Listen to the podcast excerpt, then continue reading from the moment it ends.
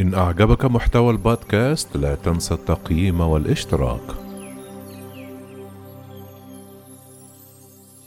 موكب مهيب ومشهد رائع لملوك وملكات مصر.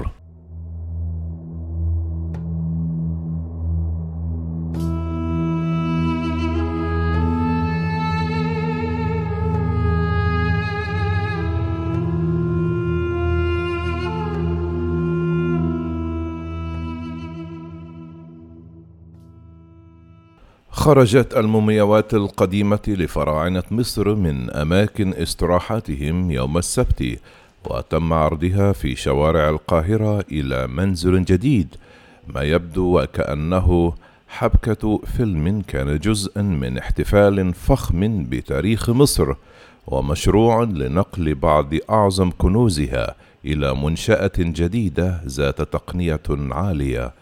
كانت مومياوات رمسيس الكبير وواحد وعشرون آخرون جزءا من العرض الذهبي للفرعون وهو حدث طال انتظاره ونظمته وزارة السياحة والآثار المصرية.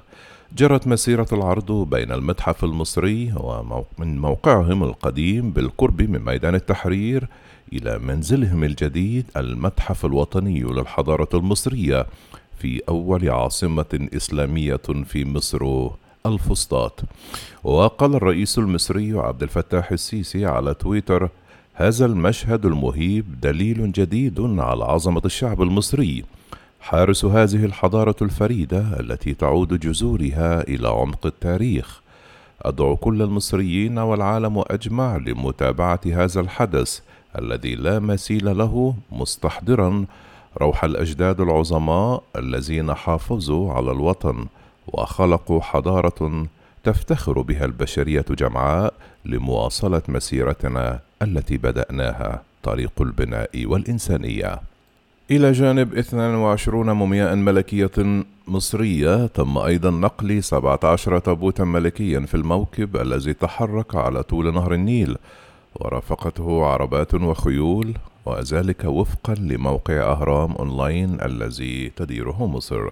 التابوت عبارة عن توابيت حجرية غالبا ما تزين بالمنحوتات والنقوش. ومن المومياوات ملوك رمسيس الثاني وسيتي الأول وتحتمس الثالث بالإضافة إلى أربع ملكات. أحمس ونفرتاري وتي وميرت أمون وحبشتسوت وقد قوبل العرض بإحدى وعشرون طلقة تحية وانضمت إليه فرقات عسكرية. وتم نقل المومياوات إلى عربات مزينة بشكل خاص مع كتابة أسمائها بالهيروغليفية المصرية القديمة وكذلك باللغة العربية.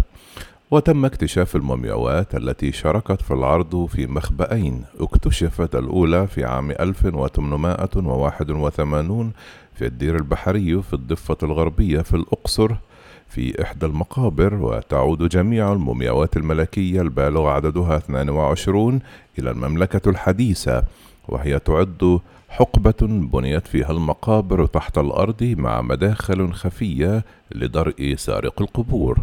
وقال الدكتور مصطفى إسماعيل رئيس قسم الحفظ في معمل حفظ المومياوات وغرف التخزين أن هناك فريق مكون من 48 شخصا لإعداد المومياوات الملكية وصرح أن عملية الحفظ تضمنت وضع كل مومياء في كبسولة نيتروجينية خالية من الأكسجين يمكن أن تحافظ عليها دون أن تتضرر من تأثيرات الرطوبة خاصة أننا نتحدث عن البكتيريا والفطريات والحشرات.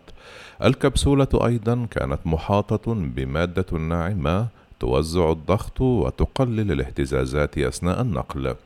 وعندما وصلت المومياوات إلى المتحف الجديد كان لوحدات العرض نفس الظروف تماما مثل كبسولات النيتروجين وأضاف لذلك لن يكون هناك أي صدمة للمومياوات عندما نأخذها من الصناديق ونضعها في هذه الوحدات.